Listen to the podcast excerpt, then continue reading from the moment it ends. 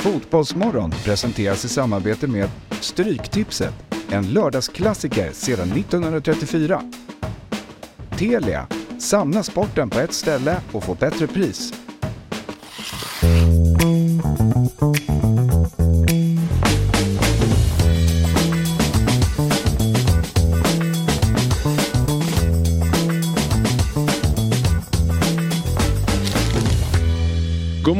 På er, varmt välkomna ska ni vara till Fotbollsmorgon. Det är, nu var jag nära att säga det ändå, jag fick inte göra det för Niklas, men det är sista torsdagen i mars. Jag uttrycker mig så då, Ja, så att vi slipper den kopplingen. Eh, Snart är det april, det är snart allsvensk premiär och det borde ju vara vårkänslor. Men det är ju svårt, Niklas, när vi har det här snöpisset utanför dörren. Nej jag vet inte fan, jag tycker det är okej. Det är alltid, det kommer inte alltid en snösmocka precis innan allsvensk start. Så det känns som att det, jag är van, höll jag på att säga. Jag har något minne av när jag stod på Råsunda. Det var ju början 2000-tal. Jag vet att Arash Talbinjad startade i AIK. Vi mötte Örgryte hemma. Det var typ mitten på april. Och det snöade utav bara helvete. Så att jag är inte säker på att det är sista snösmockan. Nej, nej det, så kan det ju vara. Ja. Men allsvenskan ska dra igång. Och eh, utöver Niklas då så har vi ju eh, väldigt fint besök här i studion. Vilket ju värmer upp i denna kyliga torsdagsmorgon. Vi säger varmt välkommen till Sveriges bästa programledare, Simors och Tutu Balutus Gusten Dahlin. Tack så mycket. När, när gled vi isär varandra och jag blev fint sällskap? Nej men det är du alltid när du kommer. Ja, okej. Någonstans. Du för varje gång och extra fint kanske efter gårdagen. Jag vet inte. Men... Ja, ja, ja. ja eh, väldigt kul att vara tillbaks. Ja, eh, det tycker vi också. Eh, Hur känns det med allsvensk premiär i helgen? Eh, kul, jävligt kul. Mm. Ehm, det är ju, ehm, för vissa så är ju allsvenskan allt liksom.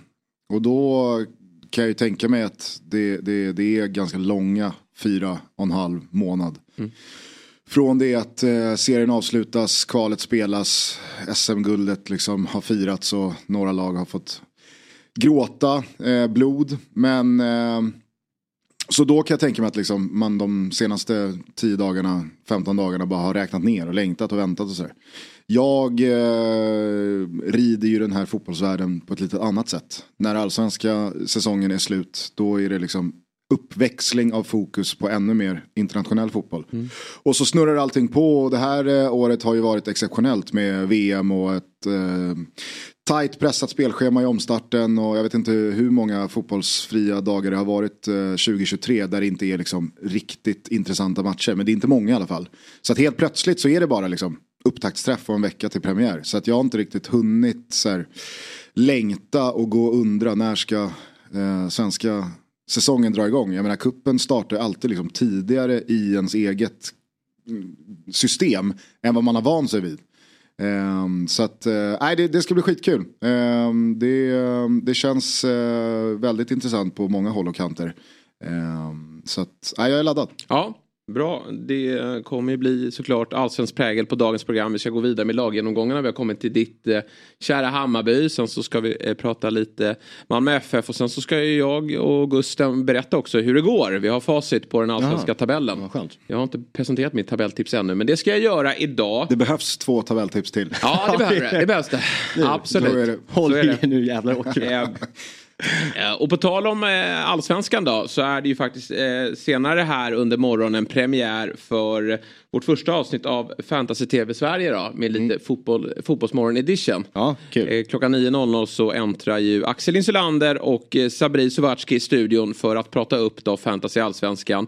Gusten gör ju som jag, bojkottar. Vi behöver en paus. Vi har fullt upp med vårt eh, Premier League-bygge. Vi behöver inte mer fantasy Nej, vi behöver inte det. Eh, Så, så, dedikerade vi är till vårt eh, FBL-bygge. eh, Det gör att vi måste få lite ledigt här i sommar. Det är omstart eh, till helgen här nu. Det vet ju du. Mm. Ja. Om inte ja, om, någon. Jag har faktiskt, jag har faktiskt ljugit för min sambo imorgon. Att det är ett redaktionsmöte på TV4. Ja. Som kommer ta två timmar.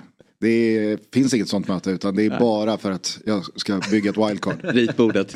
ja, du har wildcard-läge. Ja. Ja. Riktigt mörkt. ja, det är det. Riktigt mörkt. Åh, herregud. Hoppas att de sover nu och inte lyssnar på det.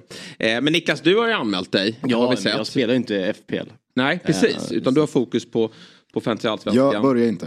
Nej, jag, alltså jag ser för lite ja, Premier League så det känns inte som att jag kommer vara bra på det. Och om jag skulle börja se mer Premier League så kommer det gå ut över andra saker, mm. andra saker i livet. Så att jag kommer inte göra det.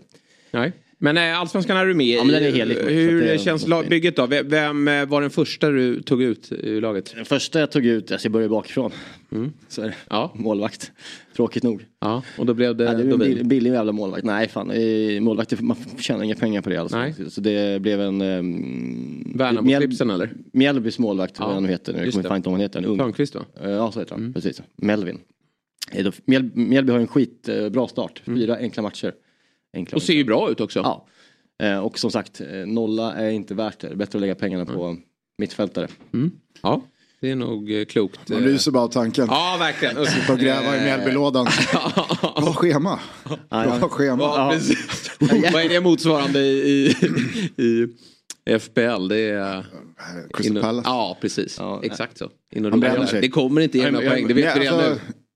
Det enda man vet om Mjällby är att man bränner sig. Ja, jag skulle, skulle byta in eh, en till Mjällby-spelare igår. Fick man ju. Nej. Jag för många. Ytterligare en i backlinjen också. jag har på fyra raka nollor. jag har ju både Moro, ja. alltså som anfallare, ja, han är alltid mål. Just eh, och eh, Rössler. Mm. Eh, och eh, Eile. Ja. Mm. Och målvakten. Ja, det, det, låter som en för mycket. Ja, men fyra första matcherna, det är viktigt. Ja, ja. Så är det. Eh, mer om det då, alltså klockan 9.00. Nu eh, tar vi oss tillbaka till det, till det verkliga då. Och eh, även om vi nu då har förlåtit så kan vi ändå inte glömma måndagen borta på Friends Arena och storbråket mellan Janne och Bojan. Och eh, igår skrevs det ytterligare då ett kapitel i Bojan och Janne-gate när de satte sig ner och rökte fredspipa har nu försonats och alla har väl tagit del av den bilden. Men också för då att eh, Tutu Balutto släppte sitt eh, eh, senaste avsnitt och sin syn på saken. Och det är många som har haft eh, tankar kring vad som hände men eh, jag har inte lyssnat till någon så bra som din Gusten Dahlin. En helt fantastiskt bra reflektion och analys av vad som föranledde och, och vad som är det, det, stora problemet med det här bråket. Det går ju såklart att lyssna till Tutu Balutto. Det är jag rätt övertygad om att många av våra lyssnare har gjort. Men de kanske inte har gjort det ännu. Nej. Så du får väl dra en liten kort recap då. Du, du satt ju lite drygt en timme med monolog. Även om jag tycker att Thomas Wilbacher, då, din, din kollega, ja, stod för bra och roliga inspel. Ja, Nej, men han behövdes äh, även igår. Mm. Som någon typ av comic mm, relief. Vad skönt att få en snabb Peter-dokumentär över liksom hela situationen. Alltså, ja, jag tyckte det var alltså men, alltså bakgrund och allt, att man inte liksom bara... Nej men jag, jag, jag, eh, jag tror jag som många andra i måndags kväll bara liksom åkte med av adrenalinpåslag och hög puls och vad fan är det som händer och det här är explosiv tv och det här är liksom, ja men det här, det här är någonting man inte har varit med om förr. Nej men som tv-ögonblick betraktat. Mm. Alltså, om man bara bryter ut vad det är mm. så är det ju det liksom en av de alltså, största händelserna mm. på, jag vet inte hur länge. Alltså i tips, ja, sport-tv. Jag har inget motbud. Och eh, jag menar eh, från, eh, från att sändningen är avslutad, eller egentligen från att Janne har lämnat studion, så är ju det här det enda folk pratar om. Men eh, jag upplever att det är ett enormt fokus på liksom, de, de helt oviktiga detaljerna. Och herregud, vad fan, det, det, det, är väl inte konstigt i, i det tidevarvet med sociala medier och memes eh, och lustiga poänger man kan göra och man vill ha likes och man vill ha retweets och vad det nu kan vara. Så att jag fattar ju att det blir liksom mycket fokus på Gides timeout-tecken och det blir, eh, eh, ja men man klipper ut grejer och använder eh, i, i liksom andra frågeställningar frågeställningar. Men framförallt så blir det ju extremt polariserat. Antingen så är man team Janne eller så är man team Bojan och alla som är team Janne de, de lägger ut sina resonemang kring varför eh, liksom Janne inte gjorde något fel och varför det här är Bojans fel och de som är team Bojan de blir liksom förblindade av det och lägger all skit på Janne eh, och, och, och, tycker att liksom så, här, så är det med den saken. Och jag kände ganska direkt men framförallt då under tisdagen att det är väldigt få här som fokuserar på det faktum att Bojan Djordjic i direktsänd tv inför väldigt många tittare till vår förbundskapten spelar ut ett väldigt tydligt rasistkort. Och ingen säger någonting. Vare sig där och då, för där blir det ju helt tyst. Men heller inte i liksom efterspelet svallvågorna. Mm. I att alltså, förstå magnituden och kraften i det. Att så här, varför gör Bojan det här? Rätt eller fel, Det vad ligger bakom det? hela i saken. Ja.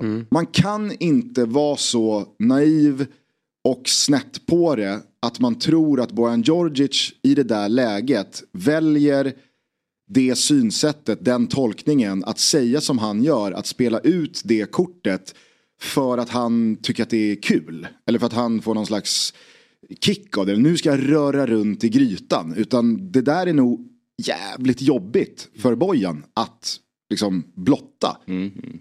Eh, och... Eh, Det går ju 30 sekunder innan han säger det, det här med Serbien. Alltså han, först antyder han det, men sen så väljer han ändå att Ja. säga det, just Serbien. Precis. Eh, Och när han inte då får, när det blir tystnad Nej, och han precis. står och blänger ut honom. problematisk. Alltså så här, då är det ju liksom, hur fan ska han tolka det då? Exakt. Och, och det, det trodde jag var givet. Liksom, eh, alltså, skull, alltså, jag trodde det var givet att när Janne då kallar till presskonferens så blir det här utgångspunkten. Mm. Nu, nu, nu tar vi tag i den här situationen utifrån det här perspektivet. För jag menar alla kan tycka olika om laguttagningar och resultat och vad gjorde vi under 2022 och hur ska vi stå oss mot Belgien, vad kan vi räkna hem i en 5-0 seger mot Azerbajdzjan? Och så vidare och så vidare. Men, men Bojan har en roll, vi alla andra tyckare har liksom olika roller men Janne är förbundskapten. Så att det där blir ju någonstans en situation och en diskussion som alltid kommer sluta med att så länge Janne är förbundskapten så bestämmer han. Så får vi tycka vad Ja, ja. vi vill om det och så kan Janne tycka vad han vill om att vi tycker vad vi vill om det. Eh, men det blir ju ganska tydligt direkt för mig på den här presskonferensen att eh, ja, Janne har inte pratat med Bojan. Han har försökt nå Bojan. Ja, Han har inte pratat med Bojan. Han börjar inte heller med att liksom så här, Varför förbehållslöst inte- be om ursäkt. exakt. Varför finns det inte bara liksom en och en halv minut skrivet av Petra Thorén och gänget borta på förbundet så här, att så här, det här hände och det här måste bli artikulerat. Sen börjar frågan. Han säger, sätter sig där. Ja, har ni några frågor? Ja, det har vi. och, och, och liksom så här, det, det, det, Väldigt det, många frågor. det valsas runt någon form av ursäktande förklaring. Eller i alla fall att han går med på att så där ska inte jag bete mig. Det blev dåligt. Jag var mycket, mycket dålig. Jag var jättedålig. Men det är ju aldrig ett bara liksom. Vet ni, jag ber om ursäkt. Så att liksom, vi bara har det avklarat. Och det måste väl bero på rädslan av att om han ber om ursäkt så tror han att han... Eh, att han Det går ju att linda in och någonstans berätta varför man ber om ursäkt. står bakom det här rasistiska. Det är han nog livrädd för. Men jag håller helt med dig. Det, liksom, det är ju, han, ska ju, ä- han ska ju be om ursäkt till svenska folket och, och, och studion. Han kan, han kan ju be om ursäkt för hur allting Ja, blev. precis. För att så som det blev i hans roll som förbundskapten. Ja, han är en vanlig människa också. Han är en vanlig människa med vanliga känslor också. Men han är också förbundskapten jämt och ständigt. Och Ja. då, med, det, med ett sånt jobb så kommer ju vissa förpliktelser. Ja. Som du liksom inte kan svära dig fri från. Och då är det så att du, du, du kanske faktiskt bara Men jag tycker måste börja med att be spiken. om Han är, han är en vanlig människa. Han är en jävla liksom, så här, ganska tafflig liksom, folkhems Sverige trädslöjdlärargubbe. Som är en vanlig gubbe som alla kan känna igen sig i. Därför folk gillar honom ju. Mm. Alltså, han är ju den här liksom, jävla vanliga gubben bara. Alltså grillgubbe. Vilket vi verkligen tog till oss i medgång också. Ja, ja, han var ju helt Men jag tycker att, liksom att en så oretoriskt, eller retoriskt oslipad ledare för ett, liksom, den position han har. Har vi haft det någon gång? Jag tror inte det. Alltså han, är, han kan ju inte prata, han kan ju inte uttrycka sig, han kan liksom inte formulera eh, tankarna innan ett, var- ett dygn senare när liksom det har shit has hit the fan. Så har inte han liksom möjlighet, han, han, han är inte kapabel att formulera samla ihop tankarna och förmedla det. Utan han går ändå liksom i försvarsställning. Till och med här, efteråt när han pratar om vilket bra snack de hade, så får han in liksom att nej men det, vi båda hade del i det här bråket. Nej, det hade det inte. Alltså, nej, ja, jag, jag, jag, jag- jag förstår vad du menar. Eh, Det är bara och- och- snarstucket här också, på ett sätt. Det finns kvar liksom, lite den här bitterheten. Ja, i- det, det håller jag med om. Och jag håller med om att man fick ju ett verbalt uppvaknande när Fredrik Reinfeldt från då Svenska fotbollsförbunds håll tog ton Ja. i studion innan Azerbajdzjan-matchen. Och man kände, så där kan man också ta frågor. Väldigt bra. Så där kan man också prata För där var ju Bojan jävligt i offensiv. SVFF emblem Ja. skrud. Eh, och det har man inte blivit bortskämd med. Sen så är inte det viktigaste för mig att våra liksom, landslagsledare är Barack Obama eller Fredrik Reinfeldt verbalt. Det, det, det, det, kommer lite längre ner på min kravspes. Eh, och jag vill säga att jag tycker att Jan Andersson medialt, verbalt har varit väldigt bra. I många år. Men det är ju uppenbarligen så att den här situationen har stressat honom, pressat honom. Enormt. Och då blir vi alla, tror jag, sämre verbalt. Mm. Jag blir också sämre verbalt när Såklart. det brinner till och adrenalinpåslaget kommer. Och man är frustrerad och man vill verkligen få fram en poäng. Och man kanske vill det gentemot någon som har tagit poäng på ens bekostnad eh, i, i de här sammanhangen tidigare. Men om jag då bara får eh, återgå till den här presskonferensen så förvånades jag över att ursäkten, den förbehållslösa, lös med sin frånvaro initialt och när han sen då kommer till Bojan och att han börjar med att säga, jag, jag vet inte om jag, om jag ska be om ursäkt, jag vill i alla fall förklara mm, mm. och reda ut saker och ting. Och om det är så att han har så vill jag be om ursäkt då till mm. Bojan. Och det där är ju liksom, jag trodde att vi hade kommit längre. Många av oss i alla fall. Att just det där, om du blev ledsen då ber jag om ursäkt. Annars ber jag inte, ber jag inte om mm. ursäkt. Det är inte det, han måste ändå be om ursäkt. Han ja men exakt. Och, och, och, och, där trodde jag att vi hade kommit längre. För att då, då garderar man sig hela tiden att om det nu skulle vara så att du har uppfattat det mm. på det här viset. Ja men då kan jag tänka mig att be om ursäkt. Jag kan inte tänka mig att be om ursäkt innan jag liksom känner av ifall du verkligen har uppfattat det här dåligt. För att jag tycker att det där blev inte bra. Jag skulle inte ha sagt så här och eftersom du uppenbarligen tolkade det på det här viset så ber jag om ursäkt. Det, ble, det blev fel. Så skulle jag inte ha sagt. Jag förstår hur du tänker. Men då är det väldigt viktigt för mig att reda ut det. Men när han då liksom är väldigt tydlig med att jag har inte fått tag i Bojan. Känner bara varför, varför, varför sitter vi här? Ja. Varför sitter vi här då? Ja. Och när, när, när, den reaktionen har lagt sig så undrar jag. För, första frågan kommer, andra frågan kommer, ja. tredje frågan kommer. Tolfte frågan kommer. Och ingen, liksom, ingen berör det här. Rasistkortet ligger fortfarande utspelat av Bojan på bordet. Då, då, då, jag vet inte, jag höll på att få dimpen. Mm. Ehm, och så, så går det ju tre, fyra timmar och sen så kommer Viaplays och Bojans pressmeddelande. Mm. Inte pratat med Janne. Nej, Trots att Janne då sträcker ut handen. Jag har sökt det, jag har ringt, jag har mejlat. Alla... Alltså, jag fattar inte det. Hur kan, hur kan de gå ut med det? Jag tycker också konstigt av Viaplay att, att, att, skriva det pressmeddelandet mm. efter presskonferensen. När de då liksom obviously inte har pratat. Eh, och han har fått höra, eh, alltså Bojan, eller Viaplay har fått höra Jannes förklaring. Att man skickar ut den där pressreleasen, eh, presskommunikén där och då. De har ju fortfarande inte pratat, vänta till de pratade istället. Mm. Liksom, alltså, han har ju panik där på morgonen Janne när han vaknar och, och har pratat med, med, med, fru och familj och, och han, han känner ju att han bara måste få Ja men jag menar att Bojan, alltså jag menar bara att Viaplay kanske inte borde skicka ut den där där då. De får ju bara sätta sig och snacka istället. För att liksom så här, han... Ja nej från Bojans sida kan jag hålla med om antingen att då är det nog bättre att ringa upp Janne Antingen får Bojan säga i det här säga han kan dra åt helvete. Ja. Alltså, eller så, han stand your ground, alltså vad du, vad du som gör. Eller så kan du, du kan inte bara på riktigt säga, ja vi kan glömma men inte förlåta. Nej jag kan förlåta, förlåta men inte glömma. glömma. Ja men precis. Alltså där och då, då blir det ju som att man gjuter ännu mer, liksom, inte vågor på oljorna. Ja, men det blir ett vedträ. Mm. Ja, vedträ det, det, blir ett vedträ in i, i brasan. Och jag tycker, alltså, jag, jag, jag har inga högre krav på Bojan än på någon annan. Men då kände jag verkligen efter den här presskonferensen att fy fan vilket jävla läge som finns här nu för Bojan.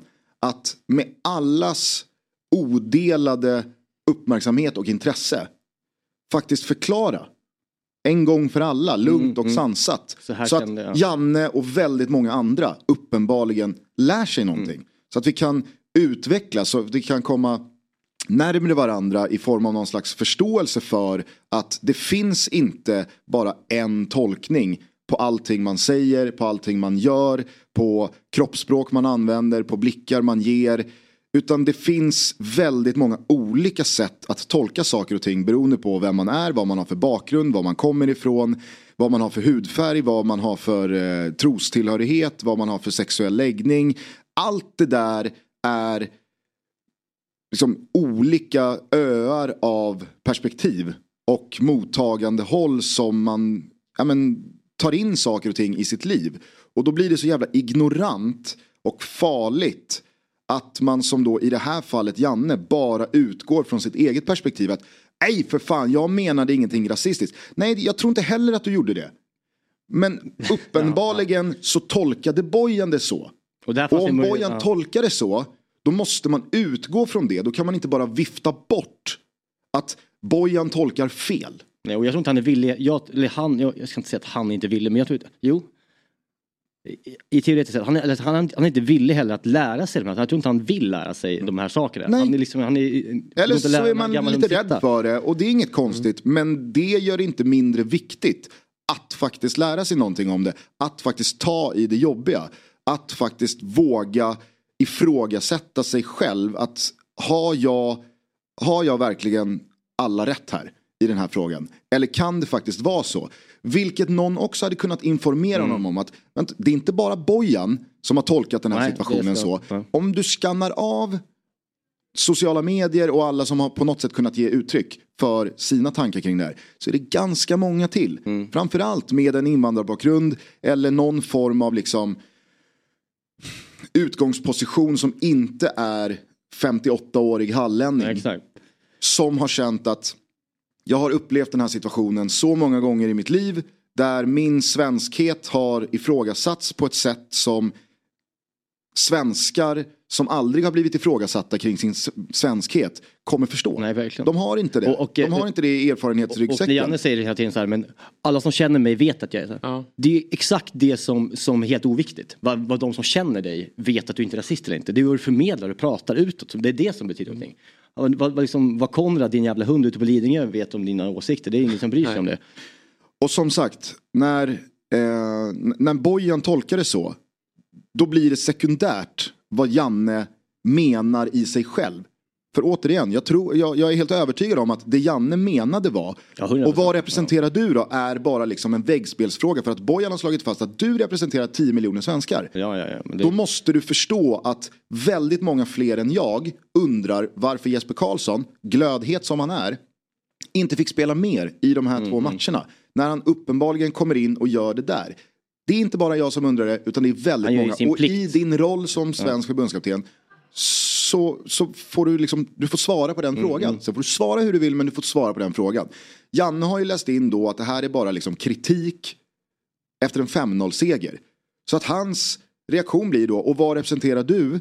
Så när Bojan då svarar Sverige så är jag helt övertygad om att Janne tolkar det som att, jaha du menar att alla tycker som du. Alla är så här kritiska. Ja, ja. Du representerar, du, du tar minsann på dig liksom Sverigehatten här och, och menar att det du väljer att fokusera på efter 5-0 det är minsann kritik och en undran varför Jesper Karlsson inte fick spela Ja, mer. det kanske lite- Och att jag har gjort det fel. det kanske är lite väl mycket nagelfarande men när han då, när han, när han blir tyst efter. Alltså, om man nu förstår att Bojan har liksom tagit till sig och tagit åt sig på det här sättet som han har gjort. Hur kan han inte bara, alltså jag förstår inte, även hur stressad och pressad man än är, hur arg man än är. Hur kan man inte bara backa lite bara, ursäkta, vad, vad, nej men så, alltså, snälla. Det det- är ni också inne på i, inte i ert podcast, vilket jag har ju stört mig rätt länge på. Det är ju den här fasaden och stoltheten. Att han, just han har ju fått under det här tuffa året bakom sig, ofta fått frågan om han är pressad. Och, och där, där, är- den slår han ju ner på varje gång, att det är ingen skillnad mot tidigare, utan jag är alltid pressad inför en landskamp. Och jag tycker Det här är att landskamp 87. Ja, jag var lika exakt. pressad inför Och- och- landskamp 11. På den här presskonferensen så tar ni ändå, även om det inte är fullt ut, ett litet steg mot att lägga sig platt och vara lite mer transparent och öppen hur han mår. Och Mm. Det är tårar när han berättar om sin familj och sådär. Men ändå väljer han inte att göra det fullt ut. Och jag tror han har så mycket mer att vinna på att berätta att det här är en, det är en jobbig situation. Jag är pressad för att resultatet går emot. Men han väljer något helt annat.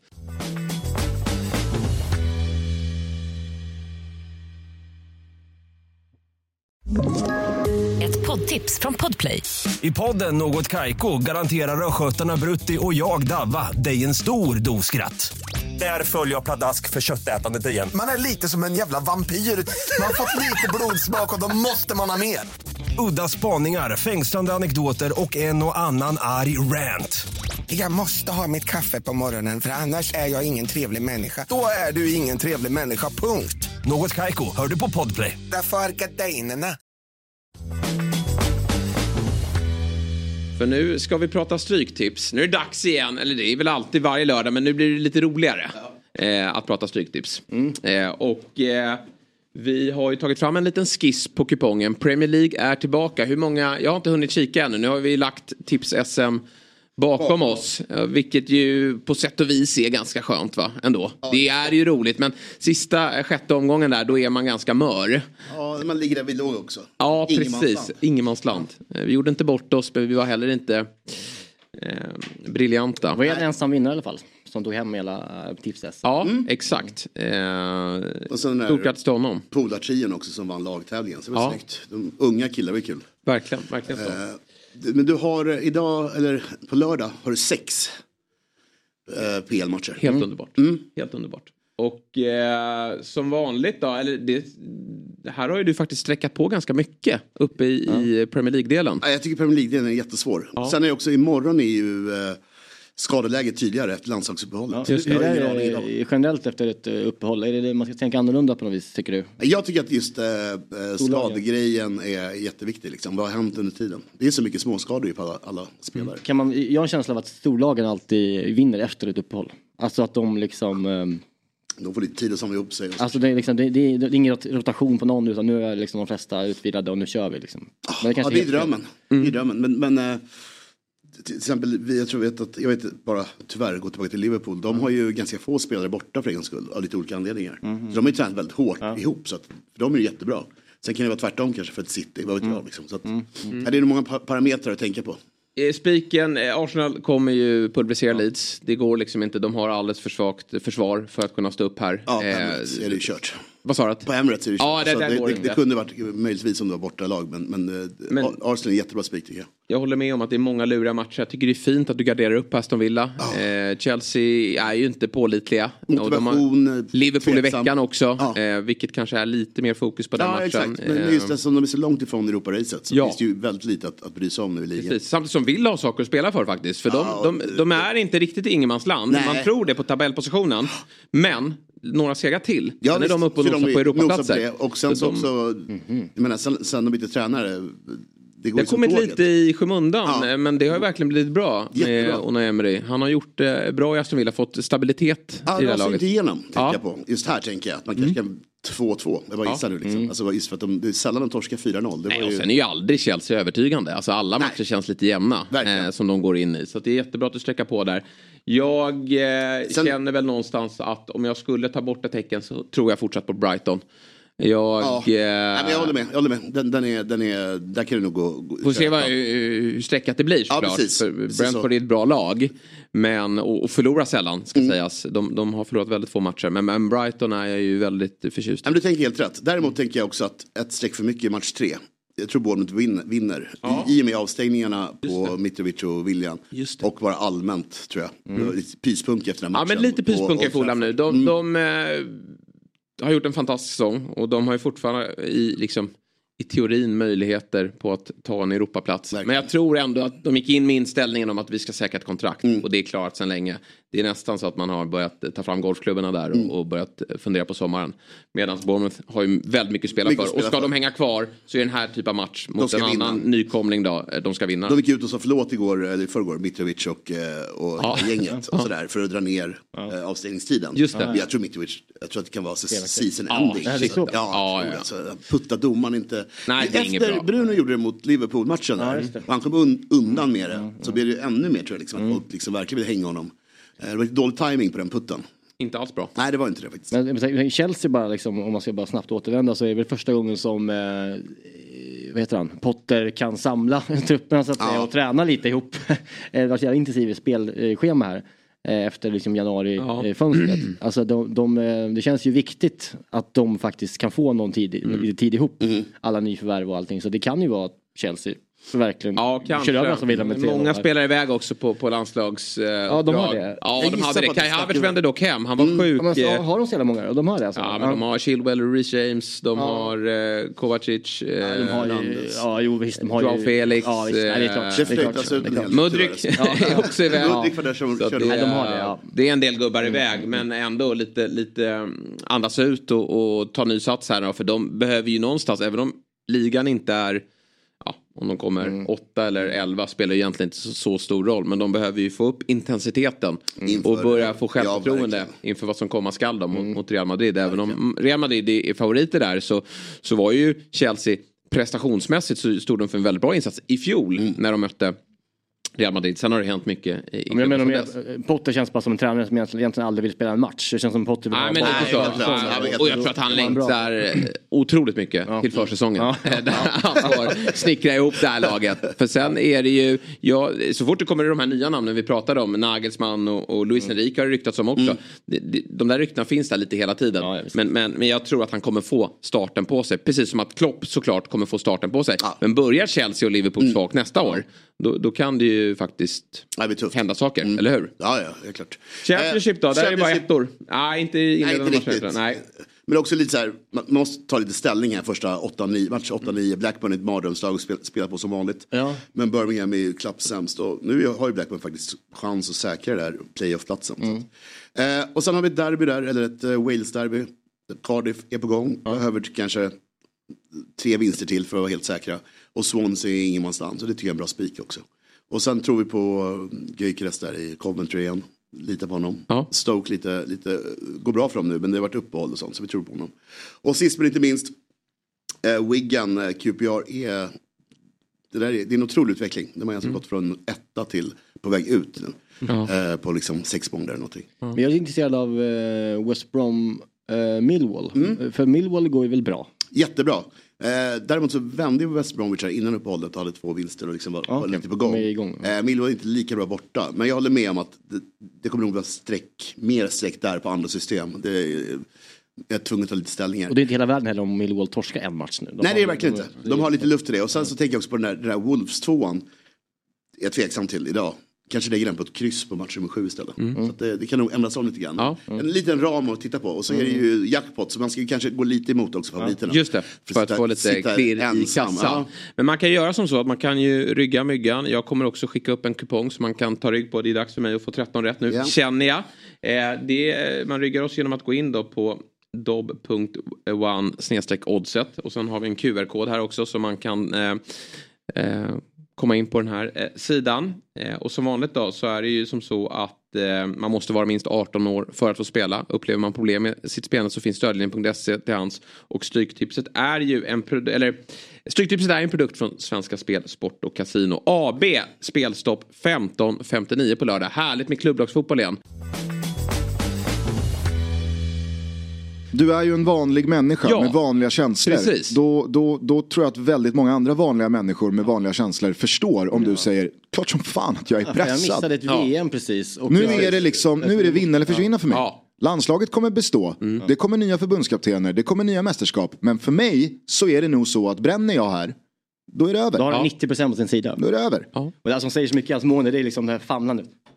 Ja, Ja, Aha, aha. men, men, men, Det och, där är inte bra. Det mår man inte, då mår han inte Nej. bra. och just den här då tystnaden, eller i den här liksom då väldigt explosiva stunden som jag förundrades över kunde liksom förbise så mycket som det gjorde i efterspelet.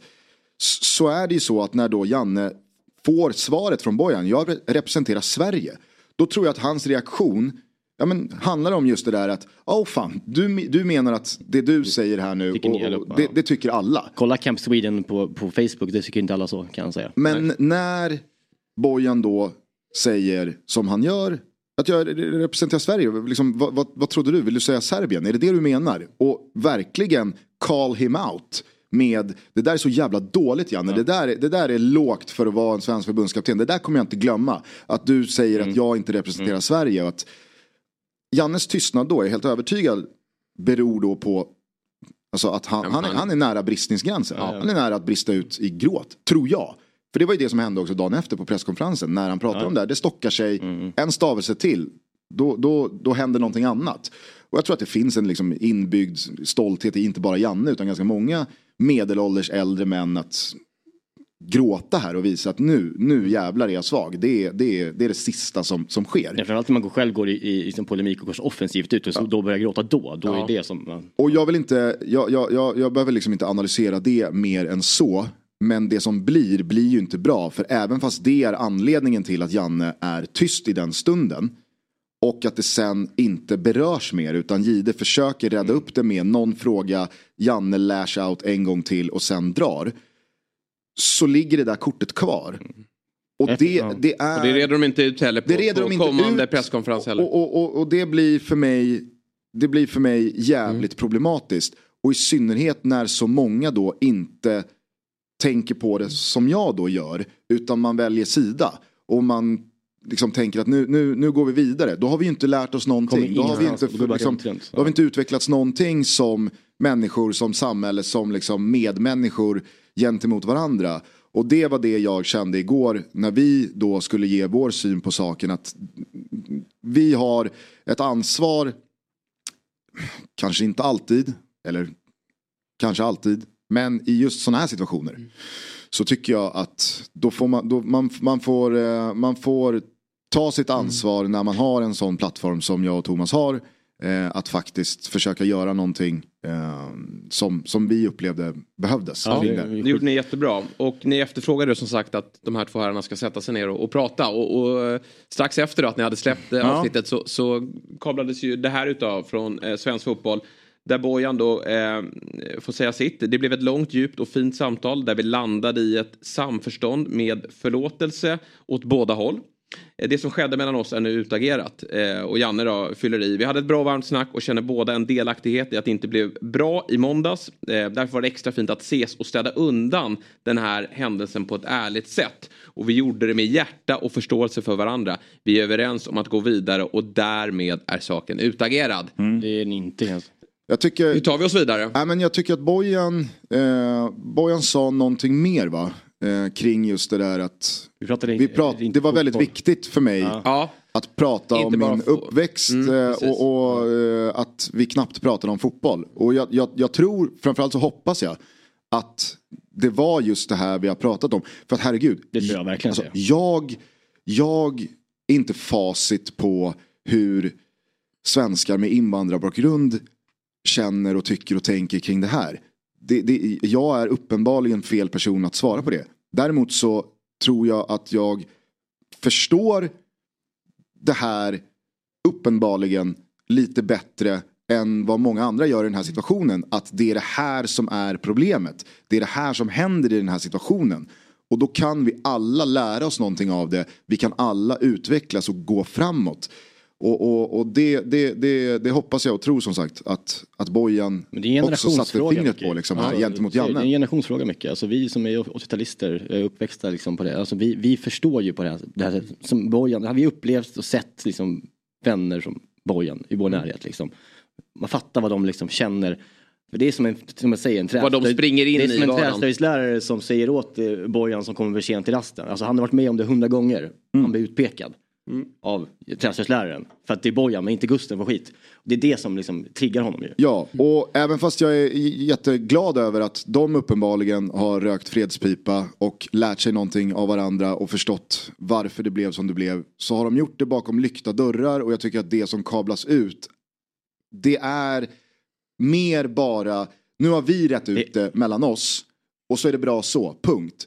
Jag tycker att det är synd att de efter det här samtalet inte satt på det där presspodiet med allas odelade uppmärksamhet tillsammans och faktiskt förklarade det vi har pratat om här nu, det vi pratade om i, i Tutto igår.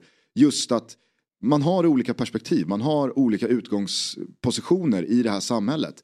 Och det här är faktiskt någonting jävligt viktigt som kan förändra och utveckla och påverka många framåt. Eh, att vi, att vi liksom kan komma närmare varandra. För är det någonting som Sverige behöver 2023 så är det kanske att liksom de polariserade klyftorna i samhället eh, och den segregerade befolkningen behöver, alltså vi behöver förstå varandra bättre. På alla plan. Alltså, Ja. Det här litet plan som ändå så här, det säger Och de hade verkligen kunnat utbilda många igår. Ja. Eh, så att det, det, det tyckte jag var, var, var trist att liksom, de nådde varandra, de nådde en förståelse men vi fick bara ta del av att vi har nu pratat med varandra, saken är utagerad. Det var viktigt för mig att Janne förstod min Mm, bakgrund. Nu går vi vidare. kommer bli spännande att se när vi ska nästa samling. Alltså, Och det är ju Österrike borta va? Som jag tror att vi har Nya Zeeland i någon träningsmatch. Och sen är det Österrike borta vilket är ju finalen för den här gruppen. Det, det är, ju pressat liksom, läge. det är ett otroligt pressat läge och jag räknar med via Ja, det är Play-studio väl på plats. pressat läge som vilken landskamp som helst. Ja, exakt.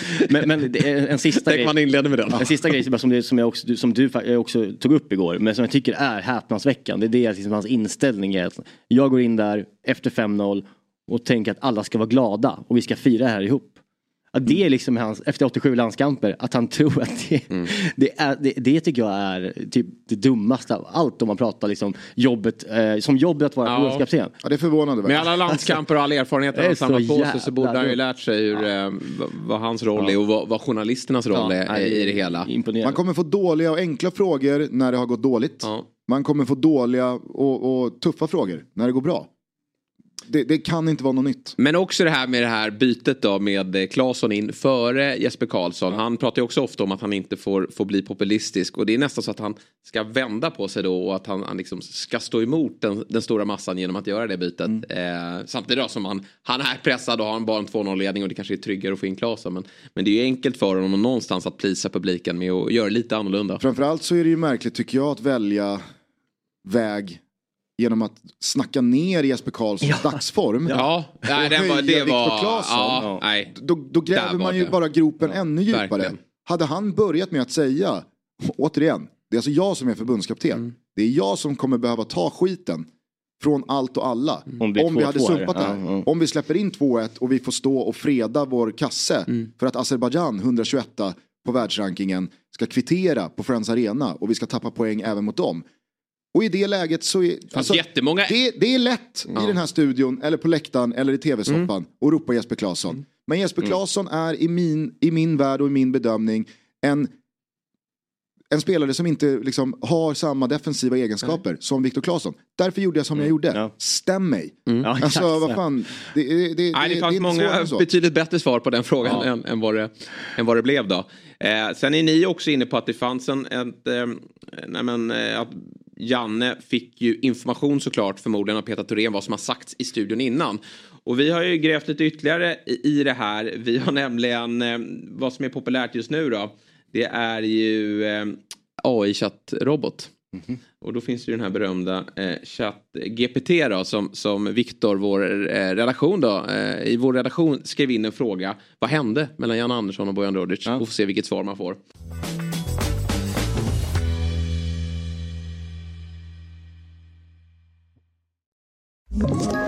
Ett poddtips från Podplay. I fallen jag aldrig glömmer djupdyker Hasse Aro i arbetet bakom några av Sveriges mest uppseendeväckande brottsutredningar. Går vi in med hemlig telefonavlyssning och, och då upplever vi att vi får en total förändring av hans beteende. Vad är det som händer nu? Vem är det som läcker? Och så säger han att jag är kriminell, jag har varit kriminell i hela mitt liv men att mörda ett barn, där går min gräns. Nya säsongen av Fallen jag aldrig glömmer på Podplay. Eh, och då får man det liksom standardsvaret till att börja med. Jag har inte tillräckligt med information för att kunna ge er en fullständig beskrivning av händelserna mellan Jan Andersson och Bojan Djordjic. Men jag kan berätta att Jan Andersson är tränaren för det svenska herrlandslaget i fotboll och Bojan Djordjic är en före detta professionell fotbollsspelare som har spelat i flera klubbar i Sverige eh, och utomlands. Men sen kommer det lite intressant. Det har rapporterats om en konflikt mellan Jan Andersson och Bojan Djordjic efter att Djordjic i en podcast uttryckt sig kritiskt om Jan Anderssons eh, taktik och ledarskap. Djordjic ska även ha ifrågasatt Anderssons kompetens som tränare och använt sig av vulgära uttryck om honom. Jan Andersson svarade sedan på kritiken genom att kalla Djordjic en liten spelare och ifrågasätta hans kompetens som expertkommentator är det här påhitt eller är det någonting vi... Alltså jag, jag, har inte, jag har inte hört eh, podcasten som Nej. den här roboten refererar till Men i det sig. väl såklart. Men med tanke på vad Bojan har sagt i Viaplay-studion Mm. kring landslaget och som han sa och vad han sa så sent som i måndags. Så, Sämsta så är det inte så 92, att jag betvivlar det. Nej. Ja, men exakt. Han, han, han, han eh, sätter ändå tonen med att det här är det sämsta svenska landslaget som jag har upplevt på 30 år. Och han är ju den mest kritiska, han är ju den som verkligen står på sig att jag tycker att det här är för dåligt. Och, och, och han har väl all rätt i världen att tycka att 4-4-2 är förlegat och att vi utnyttjar våra resurser i, i, på fel sätt. Alltså det är ju hans roll eh, i, i, i, eh, hos Viaplay i de här sändningarna. Och som, som vi, jag valde ju att likna Jannes raseriutbrott i måndags med när Per Morberg då ser att någon har balsamico i rödvinssåsen i ett svensk, Sveriges Mästerkock avsnitt för många år sedan.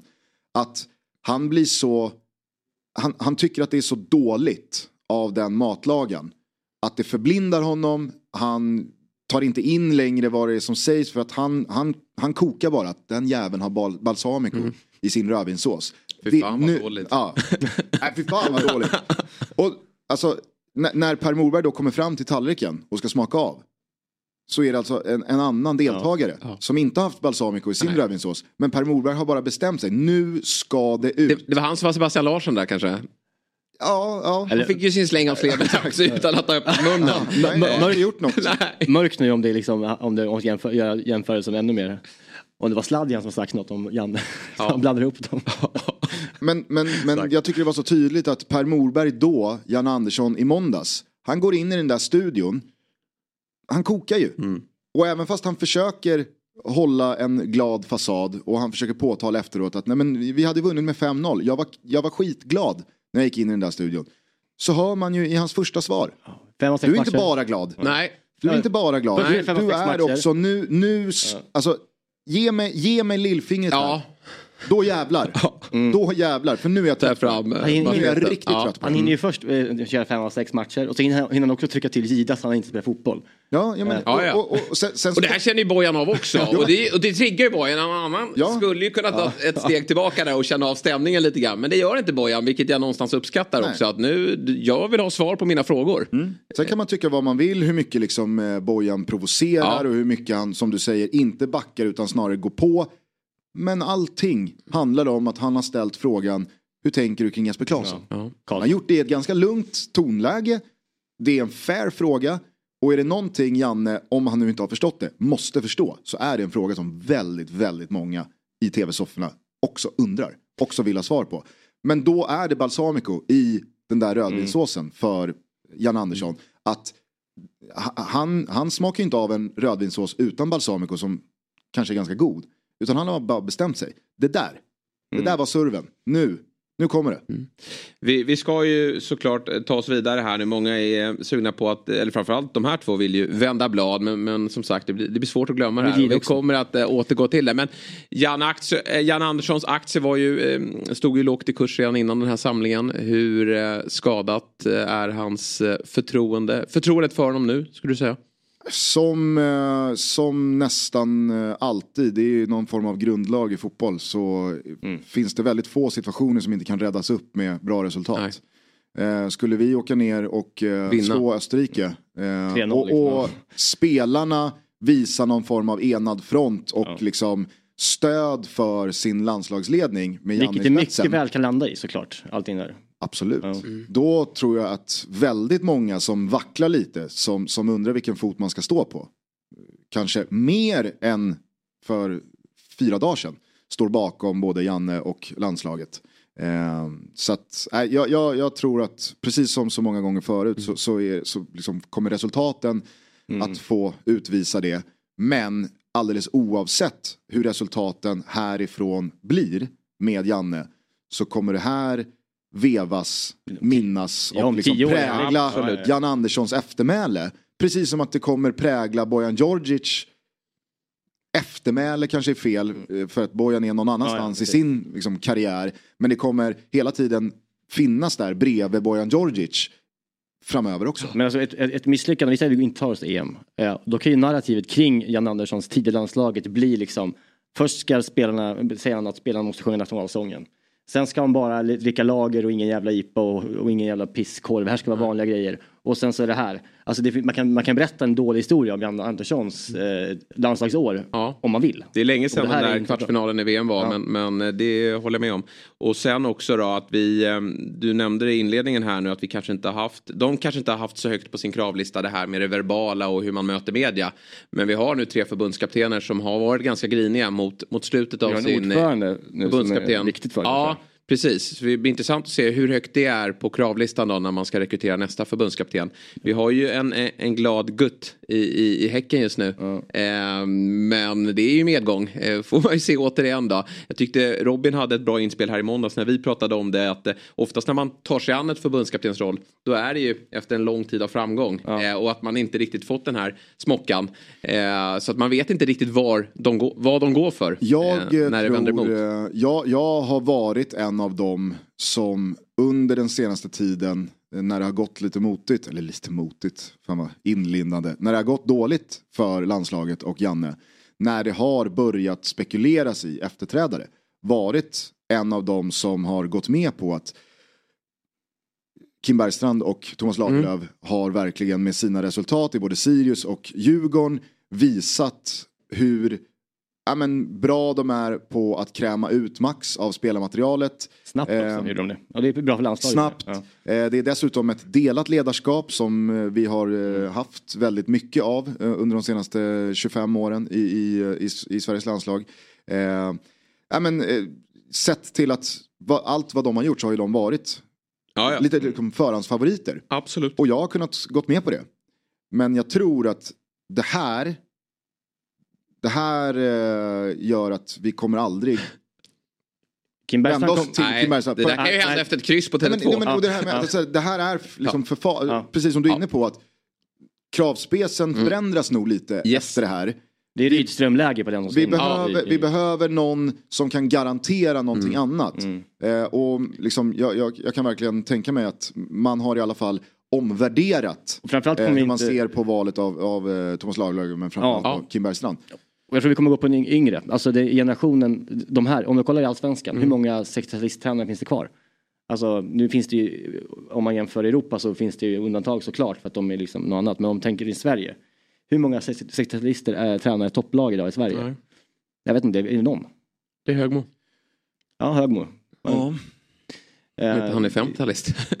Det är liksom IFK Norrköping också, har väl han där. Nej, Ja men annars är det unga tränare och det är Ja, liksom andra det. generation liksom, eh, som, det är en yngre generation spelare of course. Mm. Så händer det. Så blir det och eh, då måste man kanske även tänka så även här eh, i landslaget. Ja. Eh, det är... en grej som jag tog med mig som var väldigt glad för i alla fall. Att Jesper Karlsson faktiskt har lite skalle. Kommer in och hänger en frispark. Mm. Ja, det det trodde jag inte. Man Nej. kände att han var lite så. Vänta det här kommer ju aldrig. Det kommer ju vara liksom. Jag vet inte, när Kristoffer Petersson kom in i landslaget för tre år sedan. Lite samma sak så här. Och den här frågan kommer ju kvarstå här till, till nästa samling såklart. Eh, med, med Jesper Karlsson. Eh, han, han kommer väl fortsätta att bomba in kassar i Men, AZ. ja, samtidigt så tycker jag att det, det, det, det är viktigt att liksom nyansera Jesper Karlsson-delen i den här debatten. Är, är vi, är, är vi, har vi så kort minne att vi har glömt alla Jesper Karlssons genom åren Ja, så är det som ju. har gjort det väldigt Ja. bra i en månad eller två eller tre i någon liga och så har alla börjat ropa efter att den här Sam spelaren ska in i landslaget. Kristoffer Pettersson. Eh, vad många, Absolut. han släpper ju fram en annan Karlsson i form av Gyökeres här. Eh, Ja, men som, eh, exakt. han ger honom Och- och- och chansen. Man, man måste förstå Mm, att ja, liksom, det landslaget är någonting annat. Kvalpoäng är någonting som förbundskaptener, i synnerhet pressade sådana, Mm. Ja. värderar på ett sätt som man, man, man måste förstå att det är ingen garanti Nej. att skicka in Jesper Karlsson, att han ska bomba in eh, långskott i krysset med båda fötterna och dribbla av. Alltså, det, det är väl klart att han är i det slaget och han har visat i AZ att ge mig chansen i alla fall. Men det, Ja. alltså, Jesper Karlsson har fått ett par chanser i landslaget även Ja, tidigare. Sen absolut så har han fått det i sammanhang där det inte är så lätt att prestera och som du nämner Sam Larsson, Ken Sema. Ja, alltså, ja. det, det, det finns ganska många. Men det är som när Lasse Lagerbäck sitter här och också säger, liksom, det viktigaste som jag när jag som förbundskapten när när jag tar ut ett lag i ett, i ett pressat läge, det är relationen mellan spelare. Alltså i ett pressat läge, Ja. det är allt. Alltså det spelar ingen roll om du liksom är Albin Ekdal som har spelat liksom 17 minuter på tre matcher. Men här vet jag att du funkar med den här spelaren och då vill jag lita på dig här och där och då när det är pressat läge. Och det spelar ingen roll, en formtoppad spelare kan inte ersätta den dynamiken mellan Nej. två.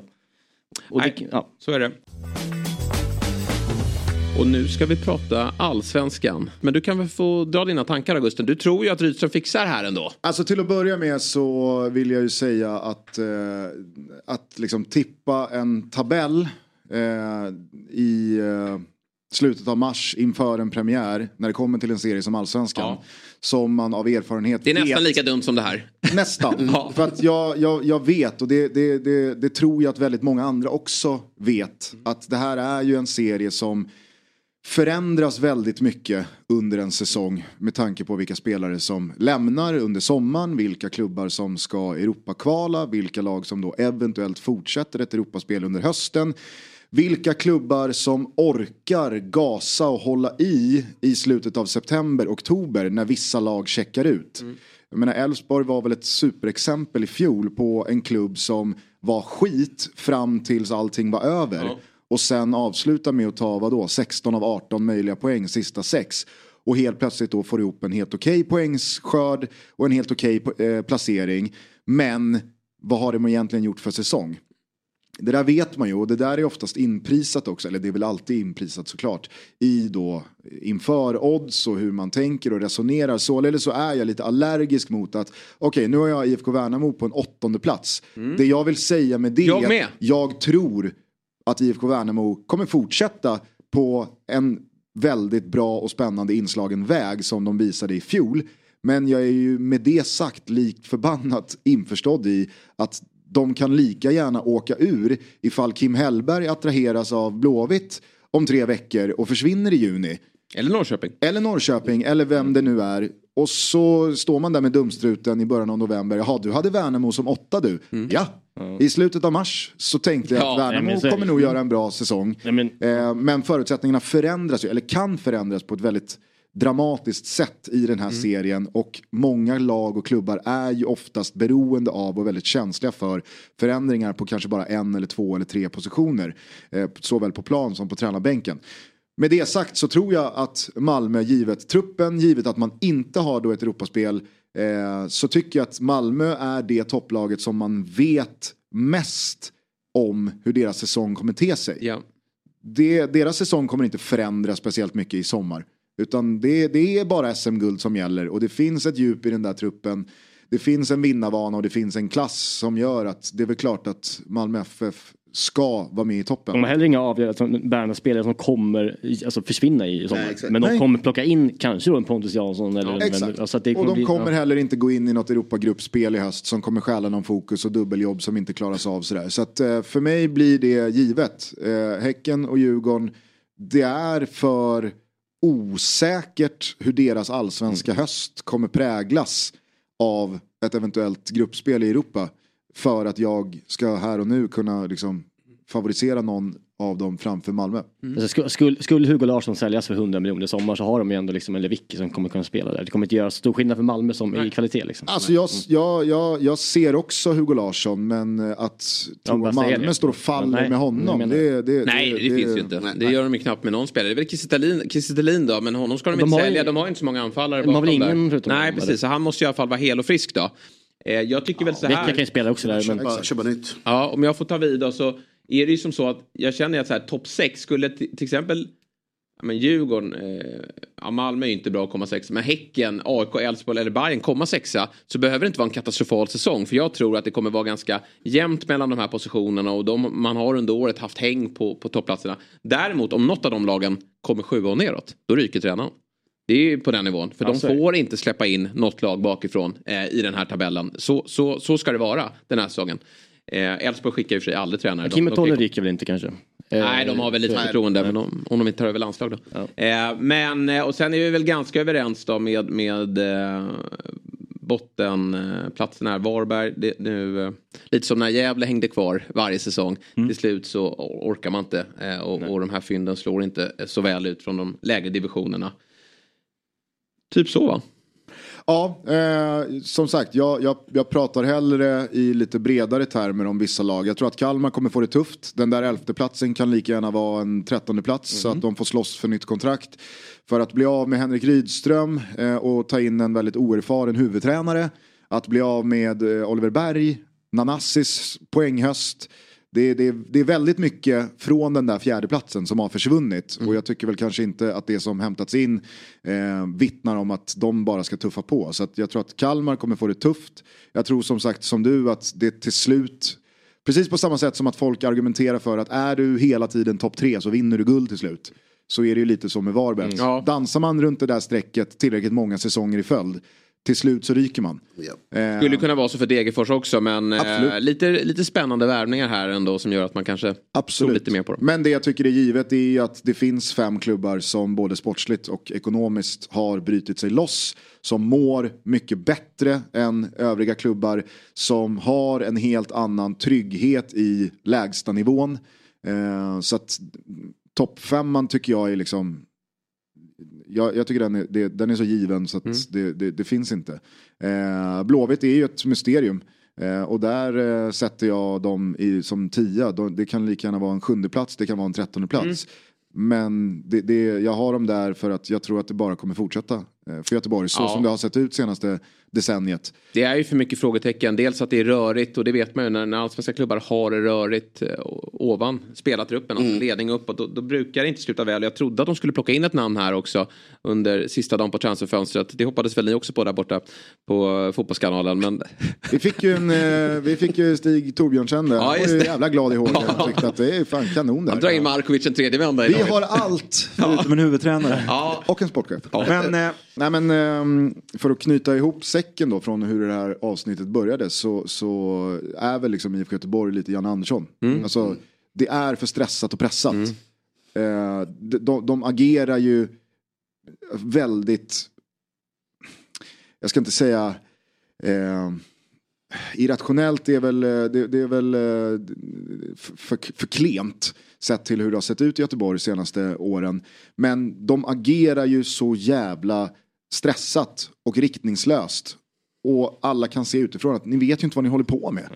Och, och det, det, det, det, det blir så tydligt eh, när det kommer till Blåvitt. Eh, så att jag, jag, jag, jag kan för mitt liv inte se dem få ihop det räcka till mer än en sjunde plats. Den här topp femman som du säger, den- den är ju väldigt liksom tydlig, eh, segmenterad i både ekonomi på alla sätt. Men det finns ett, en klubb som borde vara där och göra det här till en topp sex och det är IFK Norrköping. giv- Givet deras plånbok och liksom, eh, vad de har gjort de senaste åren.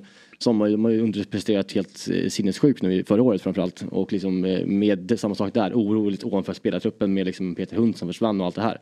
De hade förutsättningarna, den enda klubben egentligen, som hade förutsättningar att bli det här sjätte laget i den här topp fem eh, gruppen. Men det har de ju sumpat och jag tror de kommer fortsätta sumpa det ännu mer. Ja, du har ju dem ur nästa år. Ja, nästa år kommer det. Ja. Nej men samtidigt så har ju, alltså så här, Kalmar bevisade ju i fjol att får du ihop det Ja, och får du eh, träff. Mm. du får träff, då kan du komma fyra. Det, go- det går fortfarande även fast andra klubbar har sprungit ifrån ekonomiskt. När det kommer till Peking, alltså Vi kan ju ge dem ett tips att de kanske ska ta Kim Hellberg då. kanske. Få lite ordning på det. Ehm, samtidigt som, nej, jag, jag, jag tror att eh, IFK Norrköping, de har absolut haft möjligheter och förutsättningar att haka på övriga toppklubbar. Men tåget har inte gått. Det går fortfarande. Alltså, Glenn kan få träff. Arno Sigurdsson, jag pratade med Tonna Martinsson eh, i, i förrgår där. Han känns inte speciellt liksom, övertygad om att Sigurdsson försvinner i Nej. juni. Utan det kan nog liksom finnas, en, och en sån spelare. Ja. Nej, nej. Han, han, han gör sån stor skillnad.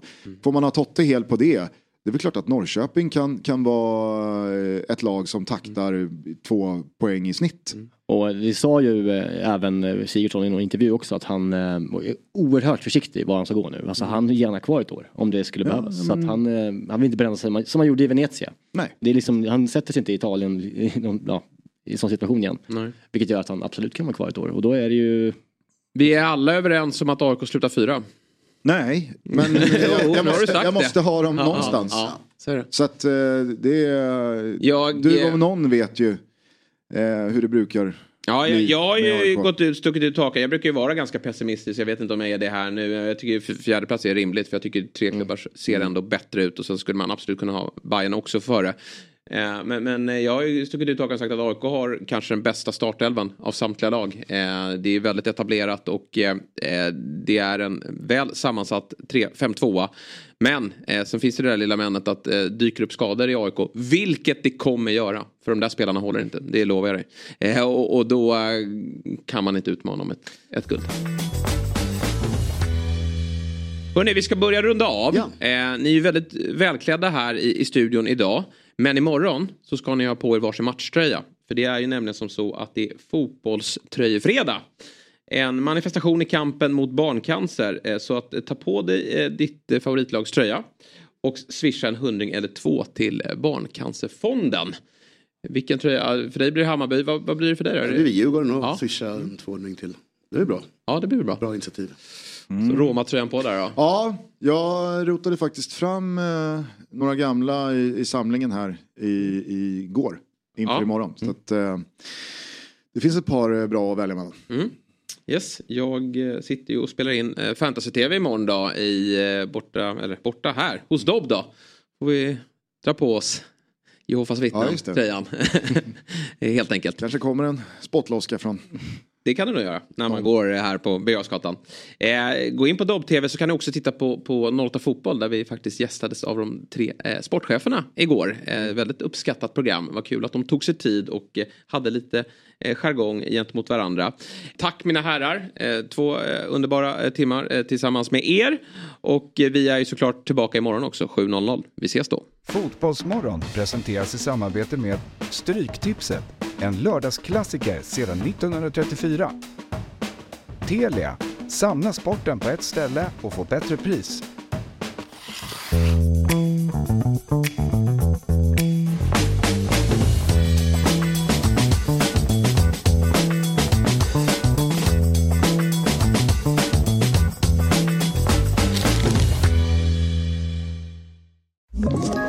Ett poddtips från Podplay. I fallen jag aldrig glömmer djupdyker Hasse Aro i arbetet bakom några av Sveriges mest uppseendeväckande brottsutredningar. Går vi in med hemlig telefonavlyssning och, och då upplever vi att vi får en total förändring av hans beteende. Vad är det som händer nu? Vem är det som läcker? Och så säger han att jag är kriminell, jag har varit kriminell i hela mitt liv men att mörda ett barn, där går min gräns. Nya säsongen av Fallen jag aldrig glömmer på Podplay.